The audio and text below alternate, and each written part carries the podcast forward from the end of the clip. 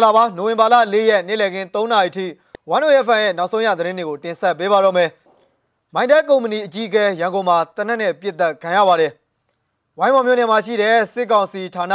ပြည်သူစစ်စခန်းကို KIA ကဝင်ရောက်တိုက်ခိုက်လိုက်ပါတယ်။ကလေးမြို့နယ်မှာတော့စစ်ကောင်စီတပ်တွေကဆိုင်ငယ်ပြင်ဆိုင်စပယ်ကြီးနဲ့လူနေအိမ်တွေကိုမီးရှို့ဖျက်ဆီးသွားတယ်လို့သိရပါတယ်ခင်ဗျာ။ဒီသတင်းတွေနဲ့တူဒီကနေ့နေ့လယ်ပိုင်း3နာရီထိနောက်ဆုံးရရှိတဲ့သတင်းတွေကိုတင်ဆက်ပေးမှာပါ။ ပထမဆုံးအနေနဲ့တင်ဆက်ပေးခြင်းတဲ့သတင်းတစ်ပုဒ်ကတော့ရန်ကုန်မြို့မယန်းကုန်းမြို့နယ်ခုနှစ်ဝယ်မှာရှိတဲ့တင်းနူရင်လမ်းမှာနေထိုင်တဲ့မိုင်းတဲကုမ္ပဏီရဲ့အကြီးအကဲဘုံမူအောင်ဦးသိန်းအောင်ကိုတနက်နဲ့ပြစ်တက်ခဲ့ကြောင်းရန်ကုန်မြို့ပြပျောက်ကြားအဖွဲ့တစ်ဖွဲ့ကမဇ္ဈိမကိုအတည်ပြုပြောဆိုပါတယ်ဒီကနေ့နိုဝင်ဘာလ၄ရက်မနက်ပိုင်း9နာရီမိနစ်30အချိန်လောက်မှာဦးသိန်းအောင်နဲ့ဇနီးတို့လမ်းလျှောက်ထွက်လာတဲ့အချိန်သူတို့နေထိုင်ရာတင်းနူရင်လမ်းမှာတနက်နဲ့ပြစ်တက်ခံရတာလည်းဖြစ်ပါတယ်ပြစ်တက်ခဲ့တဲ့ဖြစ်စဉ်အသေးစိတ်ကိုတော့မပြောလိုဘူးလို့ပျောက်ကြားတပ်ဖွဲ့ဝင်တို့ကပြောပါတယ် တင်းနူရင်လမ်းမှာစစ်ဗိုလ်မှူးဟောင်းမိုင်းတက်ဆက်သွယ်ရေးအရာရှိလင်မယားဒီကနေ့မနက်တနက်နဲ့ပြစ်တက်ခံရတယ်လို့ကြားပါတယ်ဗိုလ်မှူးဟောင်းကတော့ပွဲချင်းပြီးတင်ဆုံးသွားတဲ့သူနဲ့တူပါလာတဲ့ဇနီးဖြစ်သူကတော့ဒဏ်ရာရရှိခဲ့တယ်လို့သိရပါတယ်လို့မယန်းကုန်းမြို့နယ်ကပြည်သူတူကပြောပါတယ်ဦးသိန်းအောင်ကတော့တက်မတော်အရာရှိဟောင်းတူဖြစ်ပြီးတော့ရေတက်မှာဗိုလ်မှူးရာထူးအထိတာဝန်ထမ်းဆောင်ခဲ့ပြီးတော့မိုင်းတဲကုမ္ပဏီစတင်ထူထောင်တဲ့အချိန်ကစပြီးတော့ Chief Finance Officer အဖြစ်တာဝန်ထမ်းဆောင်နေသူလည်းဖြစ်ပါတယ်လက်ရှိချိန်မှာတော့အသက်ခံရမှုဖြစ်ပွားခဲ့တဲ့အဲ့ဒီလမ်းနဲ့ ရက်ွက်ကိုစစ်ကောင်စီတပ်တွေကပိတ်ဆို့စစ်ဆင်းနေတဲ့အကြောင်းဒေသခံတွေထံကသိရပါတယ်။နောက်ထပ်သတင်းပုတ်အနေနဲ့ဝိုင်းမော်မြို့နယ်ဝူရန်ကျေးရွာမှာရှိတဲ့စစ်ကောင်စီလက်အောက်ခံဌာနေပြည်သူစစ်စခန်းကိုနိုဝင်ဘာ၄ရက်နေ့မနက်ပိုင်း3နာရီချိန်မှာကချင်လွတ်မြောက်ရေးတပ်မတော် KIA ကတွားရောက်တိုက်ခိုက်ခဲ့တယ်လို့သိရပါတယ်။ဝူရန်ကျေးရွာမှာရှိတဲ့လီစုပြည်သူစစ်စခန်းကိုဒီကနေ့မနက်ပိုင်းမှာလက်နက်ကြီးနဲ့ဝင်ရောက်ပစ်ခတ်မှုရှိခဲ့ပြီး လက်နက်ငယ်တွေလည်းလည်းပစ်ခတ်မှုရှိခဲ့ကြောင်းဒေသခံတွေထံကသိရပါတယ်လက်နက်ကြီးလည်းပစ်တယ်ဘလောက်ပစ်တယ်တော့အတိအကျမမှတ်မိဘူးတနက်လည်းပစ်တယ်လို့သူကပြောပါတယ်အဲ့ဒီတိုက်ပွဲအတွင်းမှာဝူရန်ဒေသခံအမျိုးသမီးတူကြောဘက်မှာလက်နက်ကြီးစထိမှန်ခဲ့တယ်လို့သိရပြီးအသေးစိတ်ချက်လက်ကိုတော့ဆက်လက်စုံစမ်းနေဆဲဖြစ်ပါတယ်တိုက်ပွဲကြောင့်ထွက်ပေါ်လာတဲ့တနက်ပစ်ခတ်တံတွေကိုဝိုင်းမော်မျိုးတွေကပင်ကြားရကြောင်းဒေသခံတူကပြောပါတယ်မနက်စောစောတနက်တန်ကြားတဲ့အချက်20ဝန်းကျင်လောက်နည်းနည်းတော့ဝေးတဲ့အတန်ကားလို့သူကပြောပါတယ်ကချင်ပြည်နယ်ဝိုင်းမော်မြို့နယ်ဝူရန်ကျေးရွာမှာရှိတဲ့ဌာနေပြည်သူစစ်စခန်းကို ဝီယန်နဲ့ဈေးအုပ်ချုပ်ရေးမှုယုံရှေ့မှာစောက်လုပ်နေတာဖြစ်ပြီးတော့ဒေသခံတွေကလီစုပြည်သူစစ်စခန်းလို့ခေါ်ဆိုကြပါတယ်နောက်ထပ်စကိုင်းတိုင်းကလေးမြို့နယ်ချောင်းကွရွာမှာစစ်ကောင်စီတပ်တွေက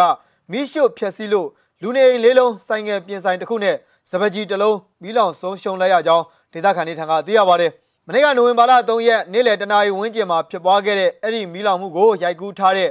ဗီဒီယိုကိုမစ္စည်းမကလက်ခံရရှိထားပါတယ်ချောင်းကရွာမှာတော့အင်ချီ950ဝန်းကျင်ရှိပြီးတော့လူဦးရေ3000ကျော်ခန့်နေထိုင်ကြရာလက်ရှိချိန်မှာတော့ရွာသားအများစုကဘေးလွတ်ရာကိုထွက်ပြေးတင်းရှောင်နေရကြောင်းသိရပါတယ်ချောင်းခွာရကြီးမီးလောင်နေပါလေဗျာမီးရှို့သွားတာပါဗျာချောင်းခွာရကြီးရောမီးရှို့သွားတာပါဗျာအဲ့မှာတဲ့အေးအဖောက်ခံရတဲ့အိမ်ပါဗျာ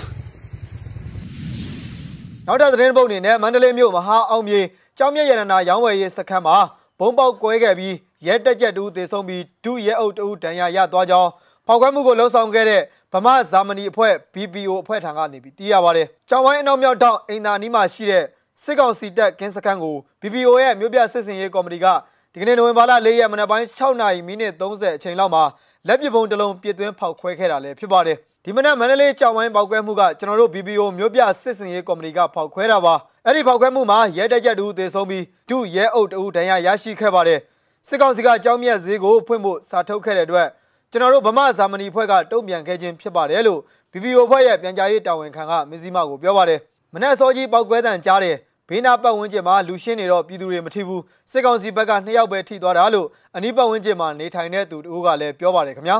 ဗမာဇာမနီဖွဲ့ကစစ်ကောင်စီရဲ့တောက်တိုင်တွေဖြစ်တဲ့စစ်အုပ်စုပိုင်းစီးပွားရေးလုပ်ငန်းတွေ စစ်ကောင်စီသတင်းပေးတလန်တွေစစ်ကောင်စီတက်ဆွဲထားတဲ့ရကြေးအုပ်ချုပ်ရေးမှုရုံးတွေကိုဆက်လက်တိုက်ခိုက်သွားမှာဖြစ်တယ်လို့ထုတ်ပြန်ထားပါတယ်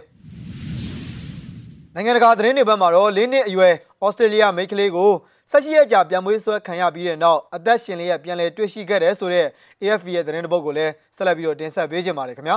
ဒေါ်ရင်စကန်ချရာနေရာကနေလွန်ခဲ့တဲ့ဆက်ရှိရက်ကပြန်ပေးဆွဲခံလိုက်ရတဲ့ ၄နှစ်အရွယ်ဩစတြေးလျမိန်းကလေးတူကိုနိုဝင်ဘာလ3ရက်ဗုဒ္ဓနေ့ကအသက်ရှင်လျက်ပြန်လည်တွေ့ရှိခဲ့ပါတယ်။တောက်ခတ်ထားတဲ့အိမ်တလုံးကိုဝင်ရောက်စီးနှင်းမှုအတွင်းတစုံတရာထိခိုက်မှုမရှိဘဲတွေ့ရှိခဲ့ရတာဖြစ်ပြီးသူမအတွက်စိုးရိမ်ကြီးလာရောက်ကဲတင်သူတွေကိုကျမနာမည်ကလီယိုပါလို့ပြောခဲ့ပါတယ်ပြီးခဲ့တဲ့လအတွင်းကဝေးလံကောင်းတီးတဲ့ ဩစတြေးလျအနောက်ပိုင်းရှိမိသားစုတဲစခန်းကနေ၄နှစ်အရွယ်ကလီယိုစမစ်ပျောက်ဆုံးသွားခဲ့တဲ့အတွက်ရဲအရာရှိအယောက်တရာနဲ့စေတနာဝန်ထမ်းအများပြားပါဝင်တဲ့လေကြောင်းရေကြောင်းနဲ့မြေပြင်ရှာဖွေမှုတွေပြုလုပ်ခဲ့ကြပါတယ်။ရှာဖွေမှုကိုကြီးကွဲစရာအဖြစ်နဲ့အဆုံးသတ်သွားမှာကိုလူအများကစိုးရိမ်နေကြကြပေမဲ့ကမ်းခြေမြို့ကာနာဗွန်မှာတညတာစီးနှင်းရှာဖွေမှုအတွင်းတောက်ခတ်ထားတဲ့အိမ်တေမှာသူမတယောက်တည်းရှိနေပေမဲ့အသက်ရှင်လျက်တွေ့ရှိခဲ့ရတယ်လို့ရဲတွေကကြေညာခဲ့ပါတယ်။ကျွန်တော်ရှင်းနေတယောက်ကခုံဝင်သွားပြီးသူမကိုပွေ့ချီခဲ့တယ်လို့အဆိုပါအိမ်ထဲကိုဝင်ရောက်ခဲ့တဲ့ကေဇေးသမား၄ဦးထဲမှာပါဝင်သူစုံတော့ကင်မရွန်ဘလိန်ကဆိုပါတယ်ကနဦးအန်အောတုံလုံးမှုတွေအပြီးမှာကလေးမလေးကိုသူ့နာမည်၃ချိန်မေးခဲ့ရမှာသူမကချက်ချင်းပဲကျမနာမည်ကလီယိုပါလို့ဖြေခဲ့ကြောင်းဘလင်းကပြောပြပါတယ် အခုလိုရှာဖွေတွေ့ရှိခဲ့အပြီးခဏချင်းပဲဆေးရုံတစ်ခုမှာသူမရဲ့မိဘတွေနဲ့ပြန်လဲဆုံတွေ့ခဲ့တဲ့ကလီယိုအတွက်အလွန်ဝမ်းသာခဲ့ရတဲ့စုံတော့တွေဟာစိတ်သက်သာရာရပြီးငိုကြွေးခဲ့ကြတယ်လို့ရဲတပ်ဖွဲ့ကဝန်ခံခဲ့ပါတယ်သူမရဲ့မိခင်အဲလင်းက သူမရဲ့ဝမ်းသာမှုအကြောင်းကိုလူမှုကွန်ရက်မှာတင်ခဲ့တယ်လို့ကလီယိုရဲ့ဓာတ်ပုံအောက်မှာကျမတို့မိသားစုပြန်ဆုံကြပါပြီလို့ Instagram မှာတင်ခဲ့ပါတယ်။နောက်ပိုင်းမှာတော့ရေခဲချောင်းကိုကင်ပြီးပြုံးနေတဲ့ဆေးရုံကရင်မော်ကချက်တိတ်မလေးရဲ့ဓာတ်ပုံကိုရဲတွေကထုတ်ပြန်ခဲ့ပါတယ်။အရာရှိတွေကတော့သူမဟာသဘောကောင်းပြီး ပျော်တတ်တဲ့ယုံကလေးတစ်ကောင်လိုခုန်နေခဲ့တယ်လို့ဆိုပါတယ်။ဒါကအလွန်ရှားပါတယ်။ကျွန်တော်တို့အားလုံးရဲ့နှလုံးသားထဲမှာမျောလင့်ထားတဲ့အရာတစ်ခုဖြစ်ပြီး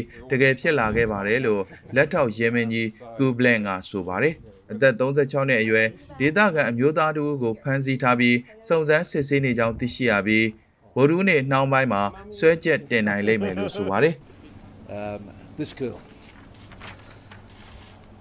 What a great day. Uh, we now have uh, returned